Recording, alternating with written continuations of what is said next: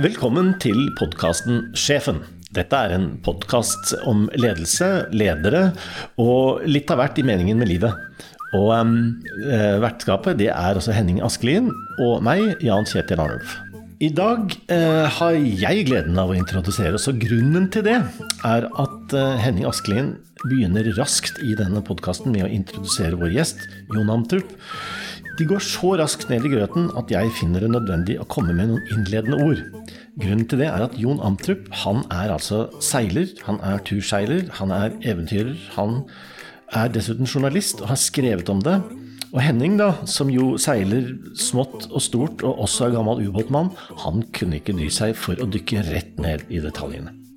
Grunnen til at vi inviterte Jon Antrup til oss, utover at han er en knakende hyggelig fyr å være sammen med, er jo at vi ville høre litt om hvordan seiling og eh, lang turseiling hvordan det påvirker mannskap og kaptein. Og fordi at dette handler om eh, eller en teknikk som ofte brukes i teambygging. Eh, litt advarsel her. Jeg henger meg på eh, når må være, og forsøker å vri ut av denne samtalen ting som er begripelig selv for folk som da ikke er vant til å gå med sjøstøvler. Men utover det så forsøker vi da med Jon å finne ut av hvorfor reiser folk på lange, ensomme reiser på havet. Hvorfor gjør folk det sammen med folk de ikke kjenner? Og skjer det noe fælt, eller skjer det noe bra når folk er sammen? Og her begynner vi. Jon Amtrup, Velkommen hit til eh, podkasten eh, Sjefen. Tusen takk. Veldig hyggelig å være her. Veldig hyggelig at du ville komme. Du er jo en podkaster selv. Det er jo et av de stedene jeg eh, fant deg, selv om vi har kjent hverandre i mange år. Mm -hmm. Vi har ikke kjent hverandre så veldig godt, men vi har møtt hverandre i seilsporten. Vi, det har vi. Du Norges jobbet for Norges Seilforbund i hvor mange år?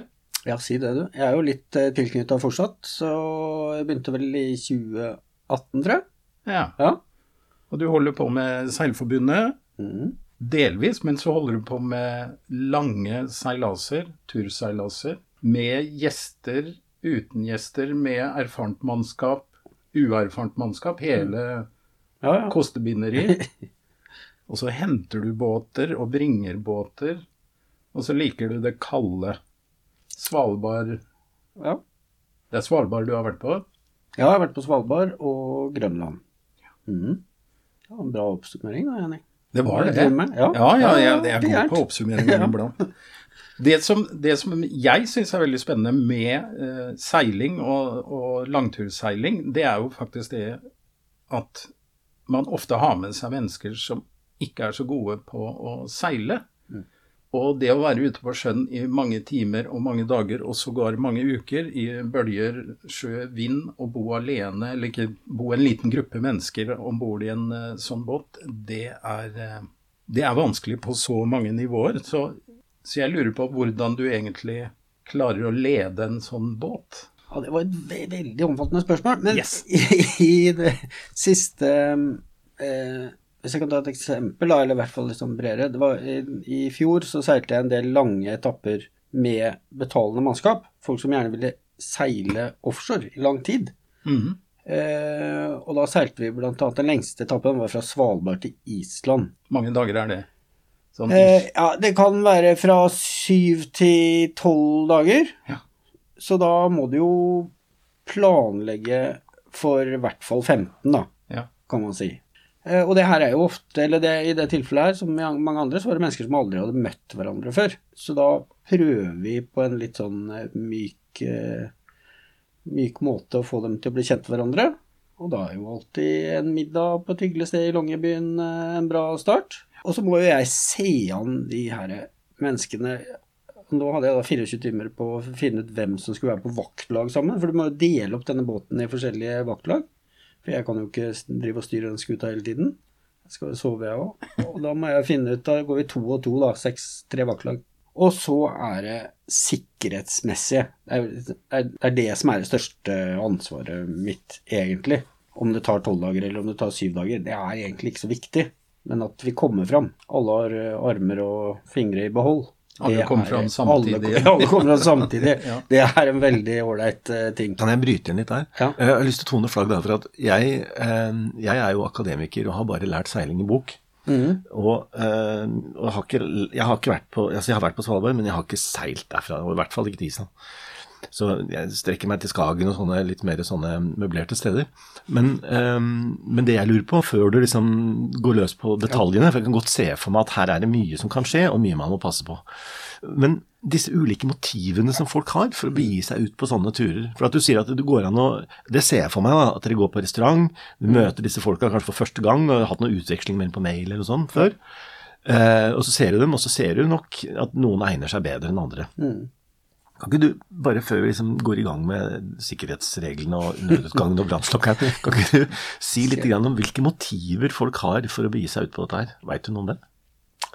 Ja, vi, vi, spør jo om det. det. Det, det. du sier med at vi har mailutveksling i forkant, det er faktisk veldig viktig. For da vi, prøver vi å avklare forventninger. Mm. I tillegg til alt sånne der matallergier og alt det, det greiene der, selvfølgelig. Og sykdommer og eh, eh, Og det hoved eh, Det som er viktigst for de fleste, er at de vil oppleve noe annet enn det de vanligvis opplever, og har mulighet til å oppleve. For det, er, det, det kreves ganske mye hvis du skal ta din egen båt og seile til Svalbard. Så er det er et stort foretakende som tar kanskje to-tre måneder hvis du fra, kommer fra Oslo. Da tar det i hvert fall tre. Mens her kan du liksom fly til Tromsø, og så er med ut, og så flyr du hjem fra Longyearbyen. Så har du fått det pakketert ganske bra, samtidig som du har vært en deltaker. Eh, eller bidratt, da. Uh, mens andre igjen eh, Vi hadde én som eh, gjerne ville Han var motorbåtmann, og han ville teste om seiling var noe for han. Mm. Så han var med fra Tromsø til Svalbard. Og da vi kom fram til Svalbard, så var alle enige om at motorbåt det var tingen hans. Ja. Ja. Okay, og, det, og, det, var han som sa det først, så det var helt greit. Og alle nikka. Det var en fin uh, erkjennelse for hans del. Jeg tror jeg, jeg hadde motorbåt eh, på samme strekka Var det noe for han, eller, eller tror nei, nei, nei, nei, nei, nei, nei. Indre Oslofjorden ja, motorbåt? Ja, ja, ja, det var mer den ja. Eh, stilen der. Seiling var ikke for han. Nei. nei. Så, og, mens andre igjen har De er gift med en som ikke er glad i å seile, og da bruker de 14 dager av sommeren sin på å få lov til det, da, istedenfor å dra en båt inn i huset og ha en alltid sur kone fordi det er en båt til stede i livet. Ja, så gjør de det sånn.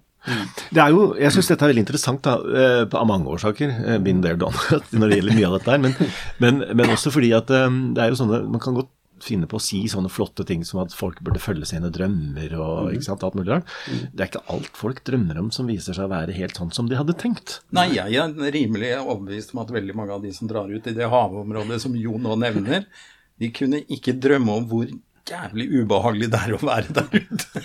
ja, eller motsatt, tenker jeg. For at vi har begge deler. Da. At det fins folk som plutselig oppdager at de får til noe som de aldri hadde drømt om at de skulle få til. Men det er den derre frakoblinga og det, det, å ha ansvaret, da, sånn som du beskriver det nå. Jeg kunne ikke dy meg for å prøve å dra opp den på forhånd. Nei. Fordi på en måte så er jo dette, har jo dette noen velsignet konkrete ting, som du sa. Du skal jo sove, og det er jo mm. vakter og ikke sant, sånne ting. Mm. Men, men, det er en svær psykologisk dimensjon bak her som er vanskelig å se for seg, som er den ja. der motivasjons drømmedimensjonen mm. i dette. da. Mm. Men Kan det sammenlignes med de som uh, vil opp i Himalaya? Kanskje ikke absolutt opp på Mount Everest og sånn, men på noen av de uh, tøffe toppene. da, Lange turer.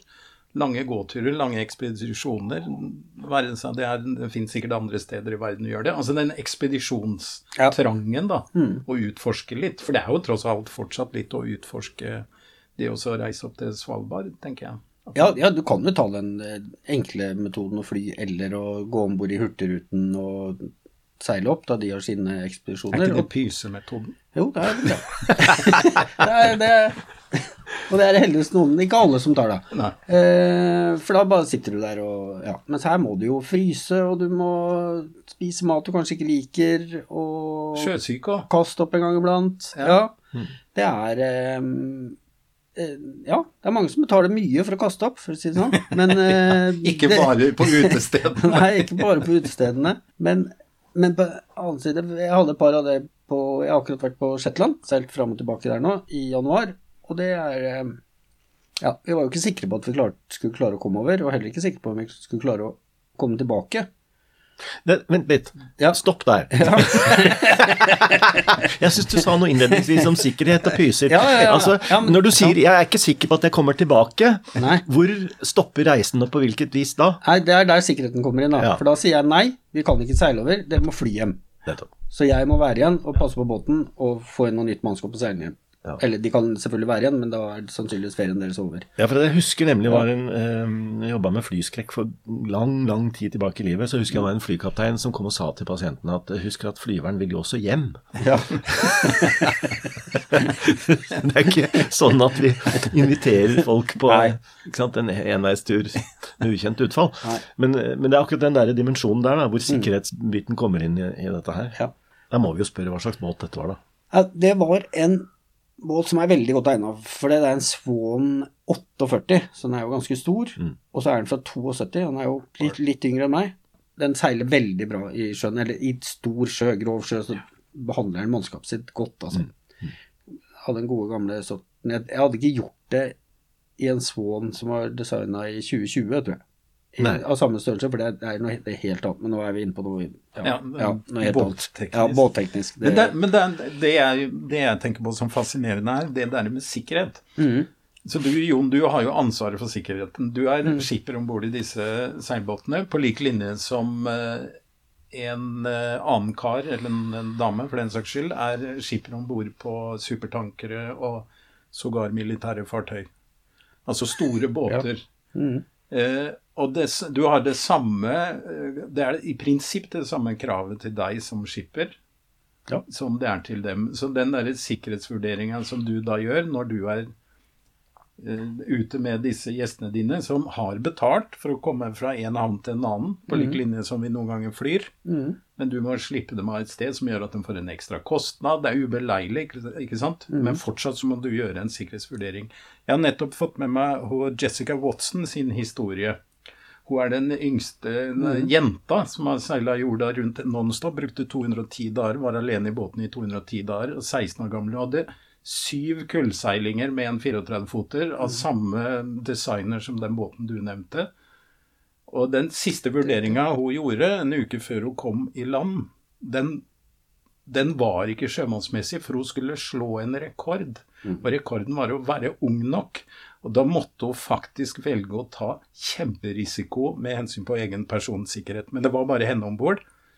Eh, men hun var veldig nærme det å, å rett og slett gå med i de, eh, mm. de stormene hun var med på slutt. Sikkerhetsvurderingen mm. på den runden der, den var way off i forhold til hvordan du må tenke, og hvordan vanlige skippere må tenke. Ja. Det er sånn eh, eh eller ja, beslutninger som jeg ikke kan Eller ikke kan Jeg kan ikke velge å gjøre det der, men jeg vet jo ikke hva jeg hadde gjort hvis jeg hadde vært alene og vært Jessica Watson og nesten sett hjem. Ja, og, nesten ta rekorden, ja. Ja, og ja, kunne ja. ta den. Så jeg, jeg, jeg, skjønner jo Jeg skjønner jo motivasjonen hennes. Men det er jo også det at det, hun er jo ikke Hun hadde jo ikke bare seg selv å ta hensyn til.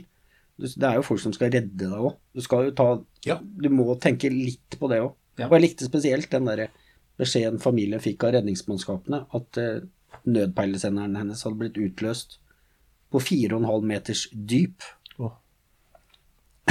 Den, den, sitter fast i båten. Ja, ja, ja, ja. Og da er det uh, Ja. Der skal jo ikke en seilbåt være. Nei. Nei. Men uh, den kommer jo opp igjen, heldigvis. Men uh, ja. ja. Men nå, nå, har vi jo det oppe, og jeg syns fortsatt det er et interessant tema da. Man kan jo jeg husker at jeg, eh, første gangen jeg dro til Kina for å jobbe, så trodde jeg at jeg så utafor hotellrommet mitt en fyr som var i ferd med å ta livet av seg. Fordi han, jeg, jeg, tror jeg var i 15. Eh, etasje eller noe sånt på hotellet, og det var bygd sånn i trappetrinn, sånn at det var en sånn etasje, sånn tak utafor i 15 etasjes høyde. Og der sto en fyr med turnsko eh, og kikka opp ned over kanten og liksom sto og vurderte nedover. Og jeg tenkte at han der skal til å hoppe, tenkte jeg hva gjør jeg nå? Og så viste det seg at nei, han skulle ikke det. Han sto og sikra en fyr som hang i ett tau og vaska vinduer i åttende etasje eller annet sånt. Han var, han var sikra på den måten at han hadde plassert skotuppen sin innafor lynavlederen på kanten. Det er sånn at den enes manns risiko, det er den andre manns stuegulv? Ja, på en måte. Ikke sant? Og, og, det er to ting, da. Det ene er at du kan jo i og for seg planlegge nesten en hvilken som helst handling på en sånn måte at den blir eksistensiell. Du kan uh, risikere mye på vei til jobben om morgenen. Mm. Eller du kan plassere deg selv i eh, ganske dramatiske omgivelser, men passe på marginene. Ja. Så, så, de to tinga Hvis du bestemmer deg for å seile fra, om det så bare er da, fra, fra, Norge til Shetland, som jo er en Det er jo folk som har omkommet på den distansen før. Ja. Så, så, det er jo en risiko man påtar seg. Hva er gevinsten? Nei, få lov til å sitte her, da. Ja, det tenkte jeg ikke. nei, nei, gevinsten er den eh, det vennlige ordet mestringsfølelse, altså. Men det er, det er, veldig tilfredsstillende å komme, og spesielt til Shetland, da, for jeg har et godt forhold til Shetland, men å klare å gjennomføre det, og klare å gjennomføre det, og alle om bord er happy. Selv om de har spydd litt og ja, det er, De har liksom har, har sovet for lite og spist for lite, men de er veldig, veldig happy. Det er eh, ja. Opplevelsen av mestringsfølelsen, som mm. da skyldes at du har balansert en utfordring. Ja. Uh, men du har heller ikke vært der at du har vært utsatt der for en vanvittig fare, i hvert fall ikke som du veit om. Og opplevd den nakne angsten, liksom. Mm. Det er ikke godt, altså. Nei. På veien over nå så hadde vi 30 knop på det meste. Og da lå jeg nedi i, senga mi, men jeg hørte at det var mye levende oppå på dekk, og de to som var her oppe. Og da vurderte jeg sånn Ja, skal jeg gå opp, eller skal jeg ikke gå opp?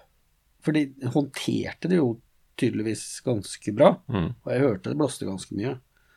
Så tenkte jeg nei, de får, de får komme ned og hente meg hvis det er noe. Og jeg gjorde det ikke fordi jeg var sliten, men fordi jeg, i et håp om at kanskje de skulle klare det selv, mm. og være veldig happy med at de klarte det selv. Mm.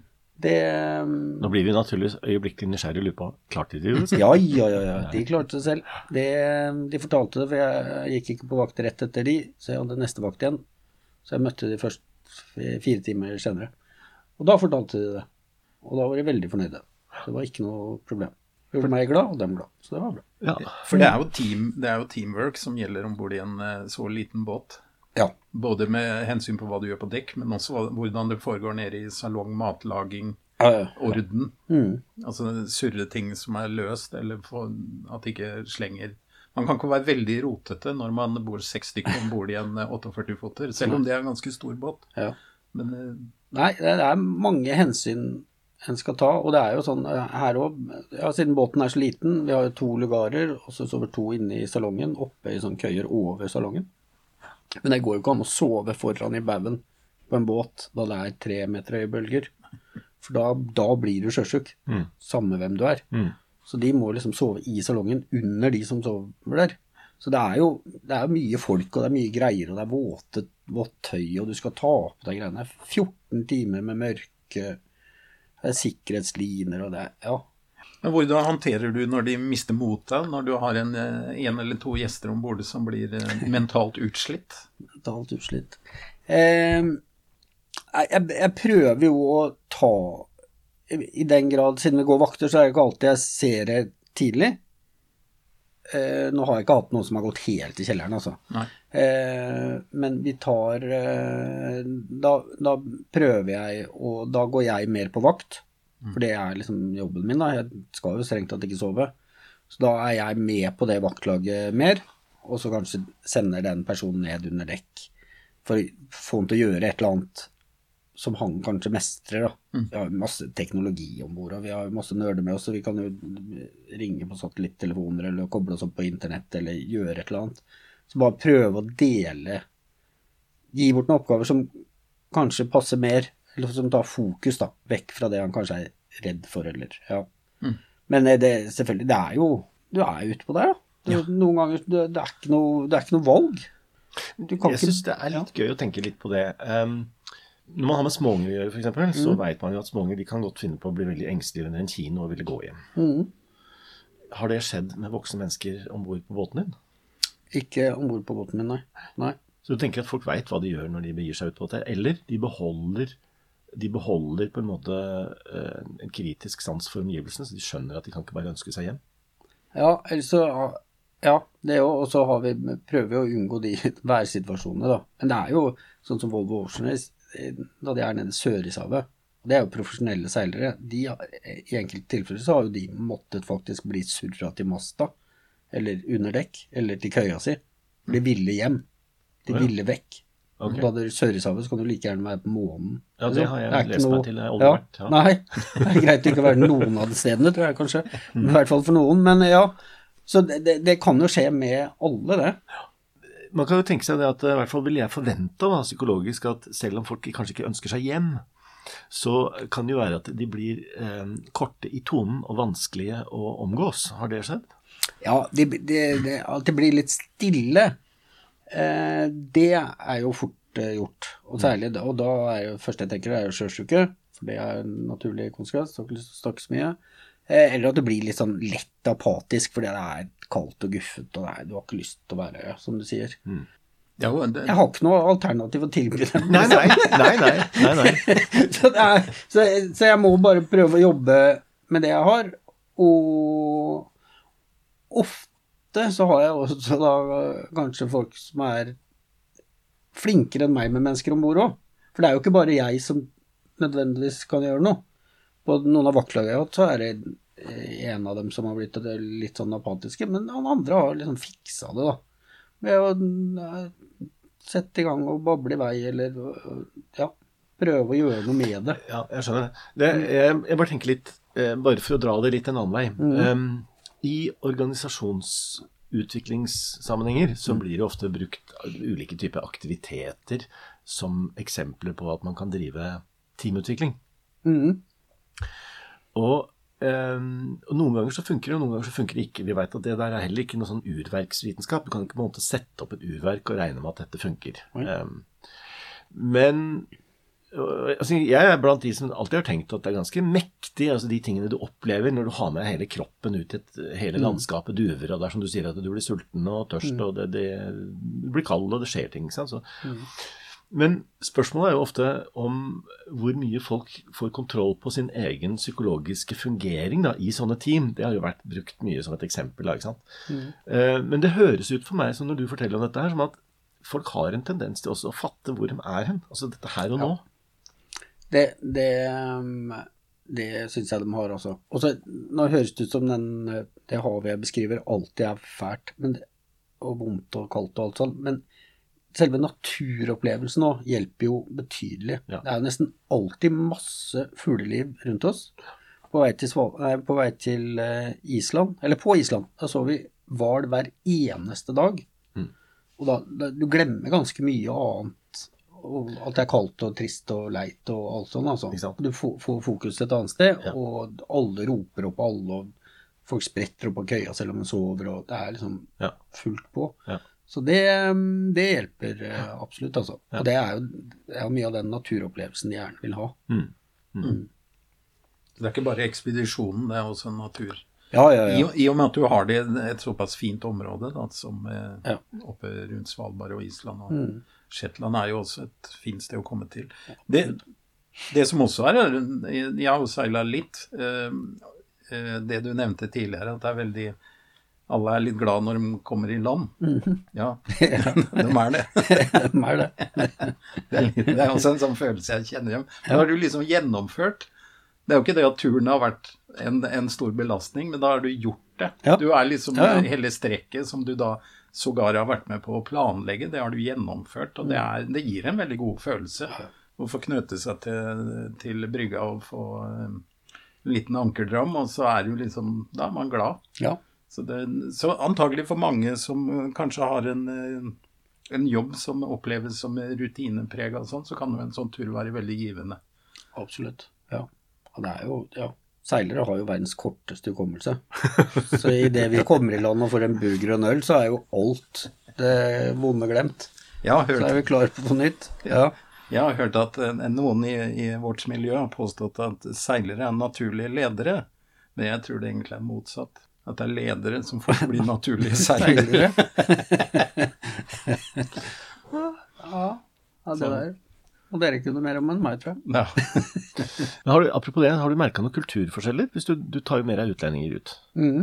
Merker du noen kulturforskjeller? Eller er, blir folk forbløffende like når de kommer om bord i en båt? Nei, folk blir Det er den utlignende effekten av en båt er veldig fin, altså. Mm. Det er samme hva slags ikke sånn hva slags menneske det er, men sånn hva slags bakgrunn du har. Eller, ja. mm, mm. Det er veldig det er interessant det der. Altså, jeg husker jeg leste en, en, amerikansk artikkel om kulturforskjeller mellom amerikanere og indere, hvor de viste at uh, mye handla om hvor mye altså, plass du har. Sånn at de pakka amerikanske studenter sammen på samme plass som eh, tilsvarende indisk eh, gruppe med studenter, så visste at eh, vanene deres og oppførselen deres blei forbløffende lik. Altså, det, oh, ja. det, var mye geometri i det der. Mm.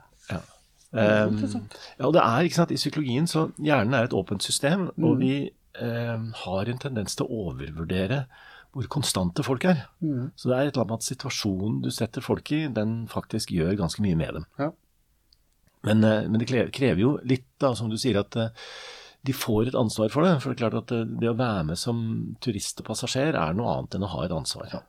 tenker jeg. Ja, ja helt klart. Og vi merker det. det er liksom, I begynnelsen av turen så er det kanskje noen som prøver å snakke om den fine jobben sin, eller den fine kunsten sin, eller vinsmaken sin, eller et eller annet sånt, og så plutselig Oi, en hval! Det er jo ingen som er interessert, egentlig.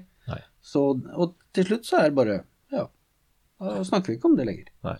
Det, eller vi kan diskutere ting, eller, men ikke noe sånn prøve på den statusbiten. Uh, det forsvinner ganske fort. Det er veldig behagelig. Fins det noe høyere status enn å seile en 48 fots gammel Sparkman enn Stevens ute i Norskehavet, da? Jeg mener, hallo, ja, da er du allerede på plass. er, ikke, er det mulig å komme noe lenger, liksom? Ja, det er ganske det, Ja. Det er som han ene sa, han som var med og seilte, han hadde prøvd å forklare det på jobben, hva han skulle. Mm. Og det eneste de svarte på Why? Ja, hvorfor? hvorfor? Ja, men til Shetland og seile i januar og Hvorfor? Det var ingen som forsto det. der. Så ja. Det, det må ha en egen fascinasjon for det, tror jeg. Ja. ja. Men det er vel um, litt sånn som det ble sagt uh, disse fjellklatrerne som sier at de må på fjellet fordi det er der. Ja. Så, så, enten så, enten så syns man det er bra, eller så syns man ikke det ikke er bra. Ja. Jeg vet en del typer sånne sportsgrener som jeg egentlig bare Jeg bare har ikke noe sans for det. Det er uh, det er ikke noe vits i å begrunne det heller. Nei. men, uh, men, men, ikke sant sjøen er jo massivt til stede også i kunsten. Mm. Så den dramatikken du kan se på havet, den er jo eh, liksom bare, det, bare, det, å se det Det er ganske mange skutebilder i storm. Altså, og det er ikke tilfeldig. Nei, det er ikke tilfeldig. Så det er jo eh, dramatisk. Også. Det er jo et eller annet også, tenker jeg, med, med seiling, eh, apropos motorbåter og sånn, men det er et eller annet med seiling som er sånn at det er veldig få organisasjoner hvor du ser jobben på utsiden av båten. Eller på utsiden av organisasjonen. De fleste organisasjoner i dag, de, arbeidet foregår inni et hus, bak vegger og vinduer. Du ja. ser ikke hva de gjør. Men en seilbåt er jo veldig spesiell på den måten at nesten alt som skjer, i hvert fall så lenge den seiler, det foregår i et samvirke mellom folk som er på utsida, og naturkreftene fanges på en måte av alle dingsene i riggen. Mm. Det, er jo, det, er jo, fysikk i utfoldelse. Ja, ja. Det er en fantastisk syn, da. Ja. Ja, nei, fantastisk syn og fantastisk følelse da du får det til å stemme. Blir du sjøsyk? Ja, jeg kommer til sjøsyk. Ja, ja, ja. ja. Det er eh, form, form, og farve, holdt jeg på å si. Det er eh, litt sånn dagsform. Nå seiler jeg jo ganske mye, så det er, det er ganske sjeldent. Mm. Men sånn som før sånn havkrysningen som er her, så tar jeg to sjøsyketabletter, bare for å være helt sikker. Mm. For jeg bør jo strengt tatt funke. Mm. Så da gjør jeg det. Jeg, jeg, jeg var litt guffen. Jeg var ikke eller hadde kanskje tendenser til sjøsyke da vi la ut nå, for vi måtte komme oss så, så fort for å treffe det vervende, så vi dro ut da det ble mørkt. Og det er liksom det verste, da, for da, da har jo ikke noe landreferanse i det hele tatt. Og da følte jeg meg litt sånn halvveis, eh, men det gikk fint. Og så hadde vi to som ikke følte seg så helveis, mm. som mm. kasta opp, men som sto i det. Og det er jo også litt sånn at de har vært sjøsyke før, fortalte de, men de har vært de, Jeg tror de forsto alvoret såpass at de ikke tenkte at jeg kan ikke gå og legge meg her nå. For det var to på vakt, og så mm. ja, De tok det i seg, og så passa de opp, og så jobba de videre. Mm. Så det var undringsverdig. Ja, for sjøsyke, det reduserer jo Hvis du blir veldig sjøsyk, for jeg mener at det er grader av det. Så det reduserer jo din kapasitet ganske kraftig hvis du blir uh, virkelig sjøsyk. Ja, ja, ja. At du ikke bare kaster opp én gang, men du klarer egentlig ikke å, å fungere fordi at du ja, i grunnen bare kaster opp og brekker deg og, og er svimmel. Ja. Nei, jeg har vært sjøsyk eh, sånn i den grad at jeg har bare gitt uh, F. Ikke, det er ikke relevant hva som skjer Nei. fremover. Ja, ja. Du vet kanskje hva de sier om sjøsyke? Nei. La oss høre. To, to, stadier. Du tror at du skal dø, Og du håper du skal dø. Uff a meg. Så ja. Den første stadiet er mer skummelt. ja. Føles verst. Ja, nei, Man kan jo alltid lure på hvorfor man egentlig har betalt for det. selvfølgelig. Men, det er jo, Ja. nei, men jeg skjønner det. For det er, jo, det er jo i mange sammenhenger at folk gjør det. Det er jo man Alt det mennesker gjør i livene sine. Man, man går opp til eksamener og lurer på hvorfor, hvorfor begynte jeg med dette her. Du Mm. Ja. Mm. tar en jobb, og det finnes jo dager hvor du lurer på hvorfor tok jeg den jobben. ikke sant? Så, så det er et eller annet med denne Det er veldig få utfordringer i livet som folk skjønner. Mm. bli foreldre er jo også en sånn ting som Mm. Ja, ja, ja. folk kommer, viser seg å være betydelig mer slitsomt enn man hadde regna med. Livs, livslang uh, slitsomhet. Det der. Ja, ja, ja, det er det. Så sånn sett så er det jo, så er det jo stilig. Men, men jeg tenker jo likevel den derre eh, Den erfaringen du har med å påta deg disse folka, blir du lei? Eller syns du det er, hva liksom er din motivasjon for å ta med deg disse folka? Ja, jeg blir jo Jeg blir jo lei folk. Det må jeg jo si. Ja. Etter å ha seilt eh, Ikke etter en sånn tur til Shetland fram og tilbake, det går helt greit. Men da jeg hadde en lengre periode hvor jeg var ute på i en måned, og du lever i en 48-båt med da det er fem og seks hester, og lever så tett på hverandre, da hadde jeg ganske stort behov for alenetid. Ja. Og det har jeg i utgangspunktet nesten alltid, men da var det ekstremt stort. ja. Så den blir lei, ja. Men ja. det gikk fort over det, altså. Så Men det å ta med seg? Hvor mye erfaring eh, krever det at folk skal ha da, før de kommer om bord? Nei, ingenting, egentlig. Ingenting, nei. Nei. Så, så du er nå, når du tar folk om bord, så er du forberedt på å, å, å lære dem opp helt fra grunnen av og forklare Ja. hva som kommer Ja til å hende. Men også lære å seile og lære å seile er to veldig forskjellige ting. Altså, Henning, du har jo lært mange mennesker, inkludert meg, å seile med jolle. Mm. Det var noe helt annet. Det er for gutta boys. Nei da. Altså, det, det er jo litt interessant det med, med seiling, for seiling fins jo både som hva skal man si, ekspedisjon, tur, litt som det Jon holder på med. Men så har du det også som en helt klar idrett, både i jolle, men også i store båter. Eh, både baneseilas, hvor vi seiler ganske kort på samme sted, altså rundt i ring i prinsipp. Og så har vi da eh, langturseilaser, som f.eks. Shetland Race er vel typisk sånn race du kunne ha bidratt Ja eh, blant de deltakende båter, hvor det gjelder å komme først i mål og vinne og gjøre de riktige valgene. Så, så seiling er jo en veldig bred en, et bredt interessefelt. Ja. Eh, og, og det har mange aspekter ved seg. Eh, spesielt dette her som du sier, Jon, at eh, det er litt annerledes enn å gå på vidda. Du, du har flere sjanser til å trekke deg på vidda. Selv om du til syvende og sist må grave der ned. Dessverre så viser det seg at mange ikke tør akkurat den øvelsen, for det må du også trene på. Men du har iallfall muligheten å trekke deg mm. mange flere ganger. Det har du ikke så lett i, i, i, i åpen, åpen i rom sjø, som det heter. Og når du ikke ser land noe sted, så, så er det en spesiell følelse, ja. Ja. Da bør ting virke. Mm. Så det, det, der at, det der at det går ganske sakte sånn i, i hastighet i forhold til hvis du kjører motorsykkel eller bil, det betyr ikke at det er helt, man, helt uten spenning og helt uten risiko. Og som når du var med og seila laser, eh, Jan Kjetil, så det var jo spennende nok det, da. For den vil jo alltid kaste deg av men en og jeg blei kasta av. Jeg vil jo si det at akkurat som du spådde, så ble jeg veldig våt veldig fort. Eh, Det var ikke noe vanskelig å gå i veggen der heller, på en måte, i forhold til ferdigheter og forventninger. Nei, og vi har nå, vi, eh, den gruppen som jeg seiler med, nå er ikke vi noe veldig gode, men vi har seila en del år, og vi seiler jo laser når vi kommer opp i 20-25 knop.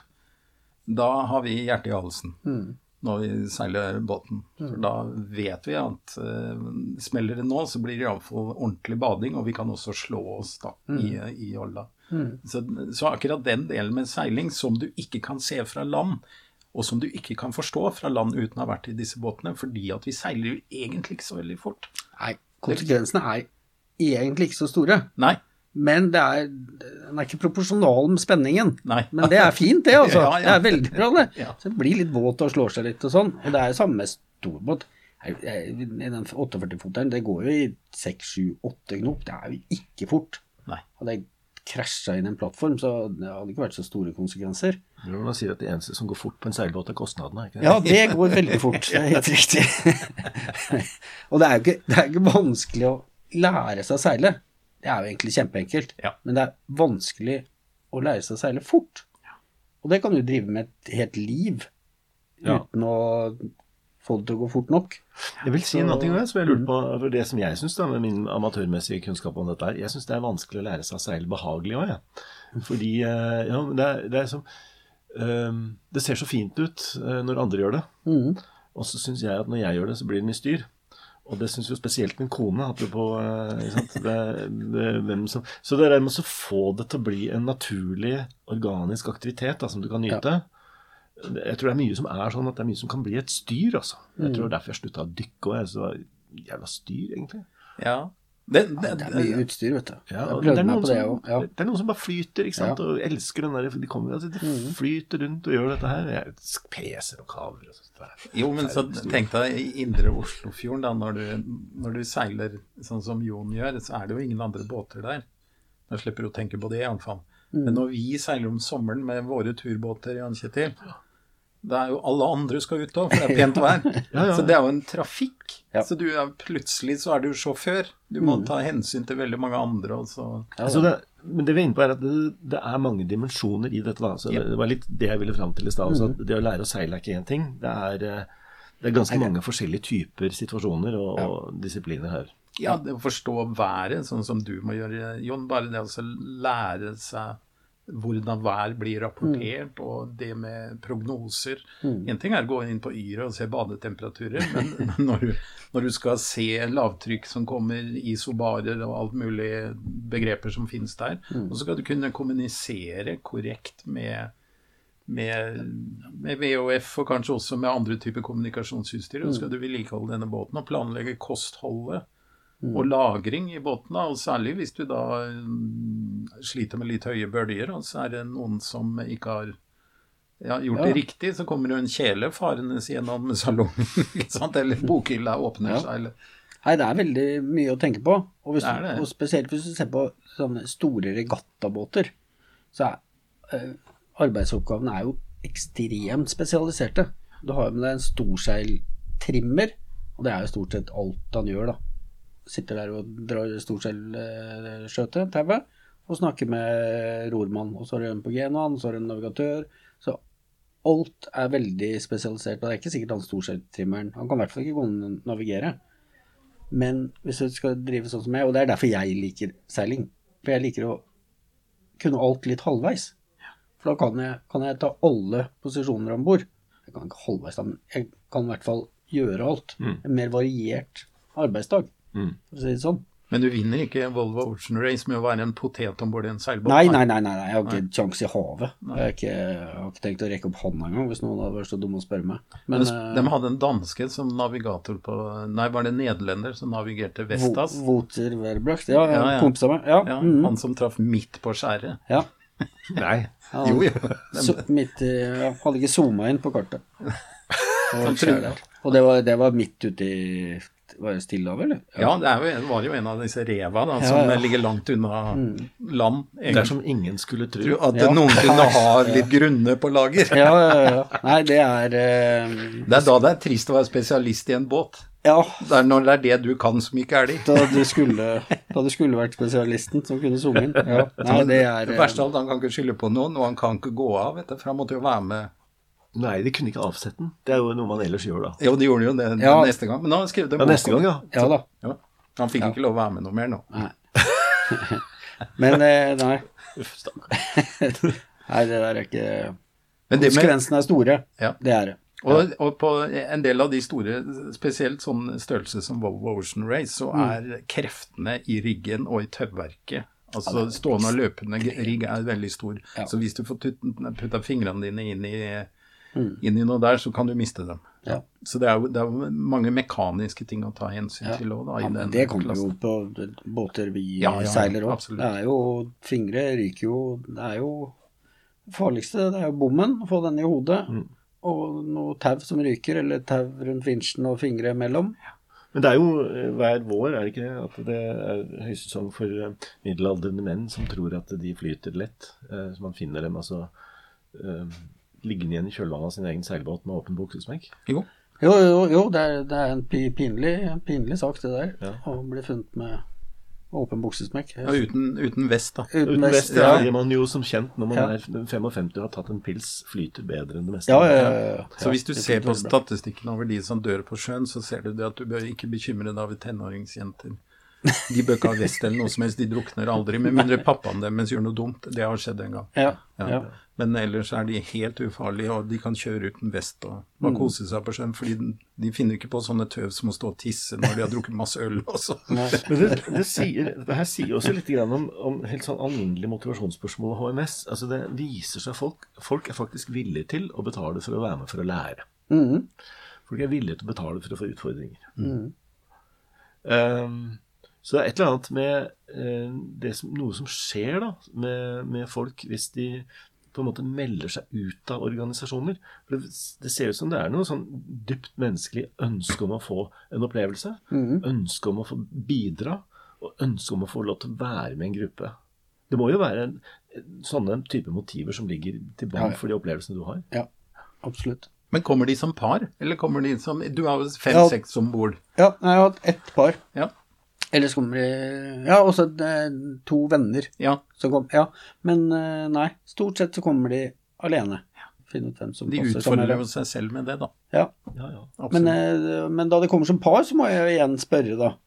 Vil dere være på samme vaktlag? Ja. Og det er jo ikke sikkert mannen mener det samme som kona. Jeg tror ikke jeg skulle vært på samme vaktlag som kona. Nei, det er akkurat det. Ja. Så ja. Jeg, jeg splitta dem i hvert fall. Ja. Mm. ja. Men altså, folk jeg syns det er interessant ja, å tenke seg at folk gjerne vil være med på sånne ting. Og enda så vi sitter og ler om ting som både er slitsomme og i verste fall farlige. ikke sant? Men folk vil altså være med på dette her. Ja. Hva som skjer i vanlige arbeidsliv når folk melder seg ut? Silent quitting, ja. er det vi snakker om? Ja, for eksempel. Uh, ja, nei uh, Det er dere som er spesialister på det her. Det er du som har spilt den. du som har spilt den. Jeg, jeg, har lyst til å, jeg har lyst til å bare ta et, ha. eksempel fra altså jeg, jeg, har, jeg, har, sett dette her i ulike typer organisasjoner opp gjennom tidene. Og så tenker jeg at um, folk, vanlige folk, er interessert i å oppleve ting. Mm. Vanlige folk er, er, faktisk interessert både å lære og å pushe grenser. Jeg tror det er, det er en del av normaltilstanden. Mm. Den er faktisk så normal sånn at vi ser nå at folk faktisk er villige til å betale for det. Mm. Og selv om de er villige til å pushe grensene litt lenger enn de hadde tenkt, sånn at de kan synes det er fælt der og da, så er det veldig fort glemt når du kommer i land og får en hamburger. Så på en måte så framstår jo dette som veldig lett. Ja. Sånn.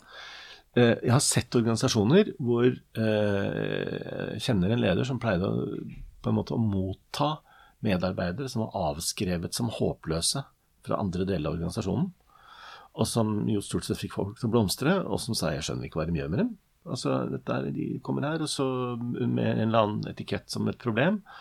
Og eh, Så prater vi litt med dem og så finner vi ut av hvordan de liksom henger sammen. Og så viser det seg at de er interessert i å utrette noe. Men når du sier at det er vanlige folk som eh, melder seg på eh, disse turene til Jon, det er jo fem-seks stykker om gangen, og det er grenser for hvor mange turer Jon skal ha. Men på disse charterflyene etter Granka, så er det smekkfullt. Så det er ikke sikkert det er helt vanlige Nei, men de har meldt seg på den charterturen til Granca. Ja, de er, ikke, de er vanlige. De, ja, men de har meldt seg på den nå, og jeg ville synes det var en jævla utfordring. Da, for å si det sånn. ja, større utfordring enn meg, altså. Ok.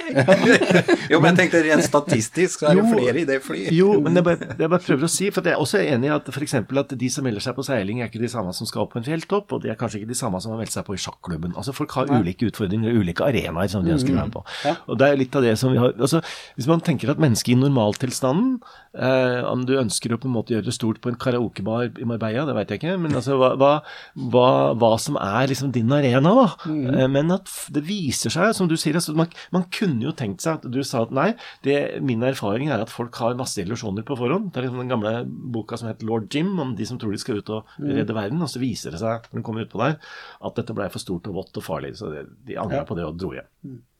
Men det gjorde de ikke. Jeg synes, eh, egentlig, så, så, Når jeg sitter og hører på deg, så tenker jeg eh, egentlig at det er ganske mye eh, På en måte håp. Det du sier, hvis jeg bare får lov til å summere opp litt fra en psykologisk synsvinkel, så sier du ja, folk vil mestre. Ja, folk vil pushe grensene sine. Ja, de kan synes det er tøft mens det pågår, men det overlever de faktisk, og da liker de det. Mm. Ikke bare det, men selv om de liker det, så skal det altså mye til. Skal helt, du skal helt opp i liksom klassen Volvo Ocean Race før folk på en måte mister konseptene og virkelig skriker at de vil hjem. Altså stort sett, da, er det sånn. Og så tenker jeg ofte eh, Jeg har noe av det samme f.eks. når det gjelder skoleverk og barn. Så tenker jeg hva er det vi gjør som gjør at folk ikke vil være med? Når er det folk ikke vil være med? Og da er jo, som du sier, Jeg veit at det er noen typer sport jeg ikke vil være med på, det kan jeg være, men det vil andre ting jeg ønsker å være med på. da, ikke sant?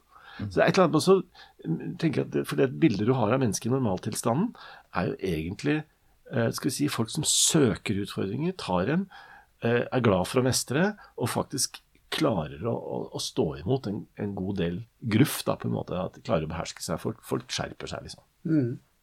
Så tenker jeg eh, På en måte er det en veldig god historie i seg sjøl. Altså, det er et veldig godt bilde av det. Så tenker jeg, hva er det vi gjør med folk for å sørge for at de på en måte begynner å skrubbe og drive med silent quitting? da? Ja. Hvordan får vi til det, liksom? For det jeg driver med, er jo veldig tidsavgrensa. Mm. Hvis jeg klarer å få en silent quitter på en 14 dagers periode, så har jeg bomma ganske hardt. Eller han kan jo bli passiv, eller ja, Jeg har sett silent quittere på familieselskaper på 90 minutter, ja. Altså. jeg skal ikke gå i de familieselskapene dine. nei, men jeg mener at det, det, Jeg skjønner hva du sier. Ja, nei, ja, ja. Når du sier det sånn, så skjønner jeg kanskje litt mer. Ja. Og jeg skjønner at, og Da kan jo folk si også, jeg skjønner jo at folk sier at vel, nå har jeg faktisk, som sa han motorbåtfyren, så sier ja. vel, nå har jeg prøvd, nå har jeg seilt med seilbåt i mm. Island, og jeg skal kjøre motorbåt. Mm. Ikke sant? Det, det, er ok, men det, da redegjør du for det, da. Ja, men, men, men, poenget med han, han var den mest entusiastiske av dem alle på hver eneste dag av de 14 dagene. Selv om han kom til erkjennelsen at han ikke skulle seile noe mer. Uh, men jeg tenker likevel at det, altså folk ofte, for det var, Du sa det sjøl helt til begynnelsen når vi begynte å si at vi, vi, må jo ikke se på alt dette som er fælt og farlig og alt dette her. altså Mesteparten av tida er jo flott. ikke sant? Mm. Om det så bare er at du, du står opp en morgen og det er fantastisk vær. altså det er liksom, eh, Opplevelsene står i kø. da. Og så tenker jeg jo, På en måte så er det jo sånn menneskenaturen er. Mm. Eh, og hvor hvor er det hen, liksom, i vårt syn på folk og samarbeid og sosialt fellesskap og de tinga der? sånn, ikke sant? Mm. Det er jo um, på en eller annen måte så har vi en tendens til å bygge organisasjoner som da sørger for å fordrive akkurat den siden av oss. da. Eller vi er ikke veldig gode alltid på å forløse det hos folk. Det er, jo, det er jo også slik at noe du gjør til vanlig, kan jo kjede deg, selv om sett ifra andre ståsted så ser det ut som en veldig spennende oppgave du holder på med. Men hvis du har gjort ting i veldig mange år, så er det jo ikke sikkert at du synes det er så spennende lenger. da. Nei. Så kjedsommelighet kommer jo smygende på de fleste. Er, men er det helt sant? For Jon, du har jo også nå drevet med dette i mange år. Hvor mange år har du drevet med dette her? Nei, 15 kanskje. Ja, Og fortsatt så i januar legger du ut og seiler i Shetland. Ja, ja. Jeg gjør jo det. Han gjør det? Ja, det er du som er psykologen. Det kan jo være en skade han har. Det kan, kan, være noe, kan være noe der, altså. Jeg tenker at det er en diagnose. ja, ja. ja, det er noen som mener det. Men ja. Eh, altså, det som, det, jeg tror noe av det som jeg vil fram til, da, som jeg syns er, er, interessant, er at det, hvis man, Veldig mye sånne organisasjonsforskningsteorier og liksom bøker og måter å snakke om det på og sånn, det, det, ligger alt, nesten alltid under et form for nytteperspektiv. Mm. Og det nytteperspektivet, det, eh, det, gjør alltid at du på en måte bytter inn en arbeidsinnsats mot en eller annen form for gevinst. Mm. Det som skjer når du bytter inn ting mot gevinster, er at alle parter etter hvert går inn på en sånn effektiviseringstanke. Hvordan kan jeg minimere mitt slit for å bytte inn den gevinsten? Mm. Um, I økonomisk teori så finnes det, så vidt jeg veit, det er mulig noen kan arrestere meg på det, men i økonomisk teori så finnes det ingen begreper i det hele tatt for den livsgleden du får når du konsumerer en hval i åpent terreng. sånn? den, det er ikke der. Nei. Eh, jeg tror faktisk det var en gang at, eh, for noen år siden at folk hadde regna ut at, eh, at eh, til og med økonomisk så er altså gleden over å observere en hval i fri dressur i havet, den er til og med økonomisk mer verdt enn muligheten for å skyte den og selge den som hvalbiff i butikken. Helt sikkert. Mm. Men, men vi, det jeg vil fram til, er noe den, den Vi har ikke noe Eller vi er dårlige på, tror jeg i hvert fall, eh, på å anerkjenne og iscenesette den gleden som du tar folk med deg på. Mm. Ja, det tror jeg nok. Men verdisetting er noe vanskelig, ja. Jeg har jo, da jeg sitter for lenge ved et skrivebord, når jeg prøver å unngå, så har jeg fra tid til annen sånne flashbacks. Og det, det, er kanskje en diagnose kommer inn. Hvor jeg ser, ser for meg ting jeg har opplevd langs norskekysten. Hvor det bare ramler inn i hodet. Kan godt hende jeg mangler evnen til fokus, men eh, det er i hvert fall Og den gleden, den eh, gir meg ganske mye. Nettopp. Jeg ser eh, ja. ja. La oss gå litt inn i denne diagnosen, da. Fordi, ja. eh, Det glemte vi å snakke om helt til å begynne med, men det er jo sånn at du begynte jo ikke som sjømann. Nei, nei, nei. nei. du begynte med statsvitenskap, så vidt jeg skjønte? Ja, jeg begynte med på Universitetet i Oslo. Jeg har tatt ja, statsvitenskap og Jeg begynte som journalist. Jeg har vært journalist siden jeg var 16, hjemme mm. i Fredrikstad. Ja. Og så derav eh, statsvitenskap, for eh, nesten sånn som seiling. Statsvitere kan du gjøre og det er jo sånn jeg tenker på min seilkarriere òg. Jeg kan bruke som alt på en seilbåt. Eh, og jeg så sliter litt med institusjonell teori mens du driver og heiser inn stormfolk, men det er greit. Gjerne for meg. Nei, jeg tenker, jeg tenker, ikke så mye på Rokkan da jeg driver og heiser en stormfolk, altså. Jeg gjør ikke det. Men eh, ja, det. Og så ble det journalistikk i Bodø etterpå. Mm. Og som eh, seilere flest så var jeg, jeg flink Var det mye seiling da jeg var ung. Og så kom uh, utdanning, og så ble det ikke så mye seiling. Og så var jeg ferdig med det, og så ble det seiling. Så, men jeg var aldri jolleramp, sånn som dere to uh, tydeligvis har vært. Pek på ham. Nei, jeg, jeg, jeg, har bare falt i vannet. jeg har egentlig ikke vært noe jolleramp. Min jollekarriere starta når jeg var 14 år sammen med en danske som jeg nå er god venn med, og to veldig pene svenske jenter på 14 i Sverige. Så der starta min jollekarriere. Skal ikke undervurdere effekten av pene jenter i seilingen, nei. Nei, Eller skal ikke det. Annet, egentlig. Så, da, der, eh, så, der start, så jeg er mye mer kjølbåtmann eh, ja. Enn det mange aner. Men så har jeg to barn som var veldig ihuga jolleseilere og hadde veldig glede av eh, seilsporten. Mm. Og en, faktisk et av høydepunktene der eh, var ikke rent idrettslig, men jeg husker jeg var dommer nede i Arendal. Eh, på et uh, stor-NM i joller, uh, hvor sønnen min var ute i optimistjolle. Han må jo ha vært en 11-12 år gammel. Og da husker jeg det blåste hatterøy og var svære bølger ute ved er ikke Torungen. Torungen ja. Mm. Og så kjørte jeg med en svær ribb ut, og skulle være domme. Jøss, nå er guttungen Nå er det tøft der ute, syns jeg. Da tenkte jeg. Og så gikk jeg ut og prata med dem, både han og seilkompisene hans. Og de var akkurat som om de var på flatt vann innafor Hankesundet, mm. eller i Hankesundet. For dem så spilte ikke det noen rolle. Jeg kunne knapt nok se båtene. Når jeg var i den ene bølgedalen, så kunne jeg ikke se dem i den andre. ikke sant? Det var sånn ordentlig. Og det syns jeg var veldig gøy å se at disse her, både sønnen min og de andre jevnaldrende virkelig mestra den sjøen. Fokus og mestringsfølelse. Ja, veldig. Og det at det var sosialt. Det var jo flere. så De prater jo med hverandre på tvers av båtene og, mm. og danner jo seg nettverk. altså, mm. Jon, du har jo motbevist litt grann da av Hennings arbeidslivsteori her. fordi Henning, du hevder jo at hvis du, er, man gjør ting fordi det er eksotisk og spennende, men når det blir rutine, så er det ikke det. Men, men, men du, du har jo faktisk altså, trivdes med altså, sier du at, det, jo skjønner, det, skjønner vi jo at det kan bli for mye for deg òg. Det, det, skjønner ja, ja. Du kan både bli lei av folk og sjøsjuk og litt av hvert. Ja, men så går det en liten tur, og så, så, skal du ut igjen. Ja. Det er en av de få tingene her i livet jeg kan forestille meg at uh, det er ikke mulig å gå lei av, egentlig. Mm. Mm. Det, eh, det, meste annet har jeg gått lei av i livet, men uh, akkurat det gjør jeg ikke. Men liker du å seile solo langt? Altså helt alene i båten? Ja da. Ja, ja da. Det er um, For det, det, er jo en veldig spesiell greie, egentlig spesielt hvis du seiler over netter, da, altså over flere dager. Ja, ja. For du kan ikke være våken hele tiden, Nei, for da koker hjernen, ikke sant? Ja, det, koker hjernen. Ja. ja, det gjør det. Men, men, hva gjør du da? Nei, da eh, det, det, her må jo skje utaskjærs. Ja. Eh, eller jeg, jeg, har jo vært med i i OneStar, som er en soloregatta som vi starta i hine hårde dager. Eh, og det er én person om bord. Og da, på et eller annet, en eller annen morgen, da, jeg tror det var andre morgenen, et eller annet sånt, da begynte jeg å se ting jeg ikke burde sett. Og det var jo innaskjærs. Mm. Det var jo ikke noe behagelig. Eh, men da jeg seilte utaskjærs, så er det jo Da kan du jo sove. Mm. For da, du har jo diverse alarmer som oppdager andre radarer. Som oppdager andre skip, som kan si fra i god tid. Mm. Og teorien er jo at hvis du, du kan sove i 20 minutter, og så våkne, for da det er den tiden det tar fra et, fra et stort fartøy dukker opp på horisonten til han er i nærheten av det. Mm. Så da går han. Mm. Men for all del, jeg har forsovet meg òg, jeg, altså. Sovet mm. to-tre timer. Eh, da har jeg vært ordentlig sliten. Og mm. det Ja, sitter jo her. Mm, ja, ja. Ja.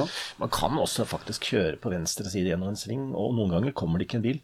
Men, uh, men så, så, man kan jo gjøre at det er som å strekke seg grensen. Eller som, som jeg sa i stad, man kan gå på taket på jobben og ha det fælt der. Eh, jeg tror David Bowie ble spurt etter han hadde gitt ut uh, den der Space Oddity og Major Tom, mm. uh, om han var glad i store reiser. Og han sa, mener husk at David Bowie sa at han ble nervøs bare han kom til den andre siden i hagen. Men, så folk har alle sine grenser, da, på en ja. måte. Men det tror jeg også er noe av det som um, ligger i muligheten til å få lov å leke med det, og ikke på død og liv skulle pushe sine grenser forbi for det, mm. det, er et individuelt punkt. Altså hvor er mitt mm. Altså hvor er lystgrensa mi hen? Når mm. er det slutter å være morsomt? Og det gjør folk trygge på at du skal gjøre ting som du selv ja. syns er morsomt. Mm. Det, der, der, der, tenker jeg, der ligger en del av dette eh, som, som antagelig ødelegger det, fordi at når det blir utenfrastyrt. Og jeg tror ja. at det er noen mennesker som blir utenfrastyrte av at de på død og liv skal sette en rekord. da. Mm. Jeg har en kompis som uh, seilte rundt jorda og sa det at uh, jeg husker, Han fortalte mye fra det, men en av de tingene som jeg festa meg ved, hvordan han sa at han møtte folk ute på havet som virkelig hata det, for de hadde ikke skjønt hva de ga seg i kast med. ikke sant? Da tenker jeg, da har du, da har du en utenfrastyrt mm. uh, ting som du vil oppnå. Ja, ja jeg, jeg, vet jo det selv, at jeg, jeg, to ganger i året så seiler jeg 14 timer alene. Jeg må mm. flytte båten fra Båten min er på spa om vinteren, som kjent. I Sverige? I Sverige. Ja, ja, ja. Så den bare ligger eh, sånn at jeg slipper å tenke på den om vinteren. Men jeg må jo levere den og hente den, mm. og det bruker jeg 14 timer på. Og de fleste av de gangene jeg både leverte den og henta selv, da, altså etter en sånn 6-7 timer Autopiloten gjør jo alt, jeg bare sitter her som en sånn halvtomsing.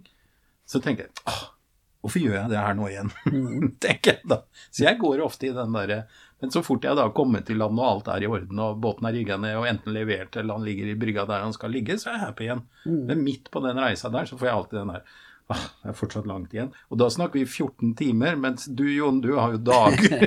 ja, men det er den følelsen der Jeg har seilt til Shetland Ja, nå har jeg seilt til Shetland 14 ganger, og 12 av dem har vært regatta. Shetland Race, altså? Ja, Shetland Race. 90 av gangene så har jeg tenkt den tanken der, jeg òg. Ja. Da har jeg sittet på ripa der, og gjør jeg det her igjen, da? Men det er Ja. Men det har ikke vært da jeg har seilt double-handed, eller den gangen jeg seilte alene, da, men da fikk jeg ikke lov til å være med i regattaen. For det, det er ikke noe klasse for solo. Nei, det, jo, de det, har, med, det har, i grunnen noe med sikkerheten ja, å gjøre. Ja, ja. Jeg, satt til og med i regattakomiteen akkurat det året da jeg seilte solo, men jeg fikk ikke noe dispensasjon da heller. Men eh, de gangene så har jeg ikke tenkt den tanken. Men da, da jeg sittet der, og det er kanskje litt For da har jeg vært en del av et crew, og alle har hatt sine oppgaver. Har, får, jeg, får jeg ikke gjort alt det jeg gjerne ville gjort, eller ja, et eller annet sånt, og så tenker jeg den tanken. Men det er, det, det er bare å tenke tanken, og så er det i gang igjen, altså. Men, ja, da, men, ja. men, men det, er jo, det, er jo, en del av det med å være på langtur, da, som du ja. også sier, Jan Kjetil, med han kameraten din som har seila rundt jorda, møtt de andre. Mm. Eh, og det fins jo et par sånne YouTube-stjerner for tiden som, som har, ja, og, og, en av dem er jo en, eh, en uh, godt voksen uh, britisk herremann som er i vår aldersgruppe, mm. absolutt. Eh, som heter Barry et eller annet, jeg husker ikke helt. Men iallfall han dro jo fra, fra Mellom-Amerika og skulle over til over Stillehavet. Og han brukte vel iallfall 30 dager mer enn planlagt, så jeg tror han brukte noen og 70 dager. Jeg tror han nærma seg 80 dager. Så når han så Han filmer seg selv når han ser det der franske flyet som flyr over den, et sånt der fly som er ute og leter litt etter den, for de har begynt å ettersøke den. Og da, da, Han videofilmer seg selv når han gråter og snakker i VHF-et med han piloten i det flyet. Da har han vært helt alene der ute og ikke visst om han kommer fram engang. Ja. for da var det ganske tøft. da, og Båten hans hadde grodd så mye under, så hadde det en sånn snittfart på halvannen knop eller noe sånt. Og det er, det er jo glassmaneter som farer for byen, ikke sant? så det er jo noe med dette her med å, ja, ja. å ta den sjansen, da, som, mm. som, forskjellen på å være på fjellet, hvor du faktisk kan, stort sett, da, så mm. kan du snu eller gå ned til, til lavere nivå hvis du lider av høydesuke. Det fins en del løsninger. da, Selv om man ikke får helikopter helt opp på de høyeste platåene, så får man det ganske høyt opp. Men man får ikke helikopter midt ute i Stillehavet. Nei, nei, nei. Helikopter har en grense for langt ut det kan uh, reise. Så du, mm. du, har liksom bestemt deg når du har bestemt deg. Ja. Jeg har jo en kamerat som jeg var Are Vik, ja. som jeg var shoremanager for. Det er jo en regatta som går nonstop jorda rundt ja. i sånne gamle båter som går kjempesakte. Og han skulle være første nordmann som uh, gjorde det her i 2018. Ja, Det var den med klassiske båter som hadde gjort det første gang? Det klassiske båter. Ja. Eh, og, det, og, det, er jo åtte måneder, da, ja. alene. Mm. Et av greiene som mange lurte på da, var jo ja, hvordan klarer du å være alene så lenge? Nei, det går jo ikke an å trene på det. Han kunne jo ikke sette seg i garasjen, som han sa, på åtte måneder, alene. sette seg under stuebordet. ja. Så det går jo ikke an å trene på, så det måtte han jo bare prøve. Ja. Men nå ville det seg sånn at det, han klarte ikke å gjennomføre fordi det var Sørishavet tok båten hans. Tok båten hans. Ja. Men det var ikke ensomheten? Nei, det var ikke ensomhet. Nei, han, det hadde han klart helt fint. Jeg trengte ikke å spørre han det spørsmålet, for det visste jeg han ville tåle. Men der skulle du være shoremaster. Det er jo den som er kontakten hans på land, som passer på han. Til, ja. ja. Mm. Og den, den, rollen har jo blitt mye mer verdifull for den mentale helsen til de som er ute og seiler nå, enn den var før. For før så måtte bruke kortbølgeradio for å mm. nå fram. Mm. Men i dag så har vi jo Iridium satellittelefoner hvor du, hvor du mm. kan snakke direkte med hverandre på et, på et helt annet nivå. Ja. Så så det, det, det, hjelper jo betraktelig da, på ensomhetsfølelsen antagelig, at du kan mm. ringe til shoremasteren eller ja. til noen andre hjemme. Til noen andre, ja. Og så hjelper det jo betraktelig på sikkerheten òg. Du får jo den værmeldingene, så du kan unngå ting. Og nå det nye Starlinken til Elon Musk. Nå lover han jo bredbånd helt opp til toppen av Svalbard neste år. Så du kan sitte sitte oppe på Svalbard og se på Netflix ute i en utland eh, langt oppi ja, der. Det er noen som går tapt med det òg. Ja, det, jeg, jeg, er ikke helt sikker på om jeg vil det. Nei. Om jeg vil ha det, for det er akkurat derfor jeg gjerne vil dra til Svalbard og Grønland og ja. Når du får stå 55-tommeren. Det er for øvrig en liten TV-blikk av ja. ja. Men når du får den om bord i båten, og det er det samme Du bare flytter ja, TV-stua di ut i båten, da kan det bli litt interessant. Nei, det er, det er ikke Nei, det er jo akkurat det den vil vekk fra. Men, eh, nei, men for Jon, jeg, mm -hmm. jeg, tenker jo Det du sier, er at du også har jo da tid, når du ikke driver og forklarer folk hvordan ting virker, mm. så har du også tid til å sitte mye der og tenke og spekulere og sånn. Så øh, når du nå sitter der og sier ja, del noen av dine mysterier med oss. Hva tenker du på når du sitter der? Være kald og rolig. Mm. På en måte utstråle en viss uh, en ro. Mm. Det, det, er i hvert fall øh, noe av det jeg prøver på, som er relativt flink til.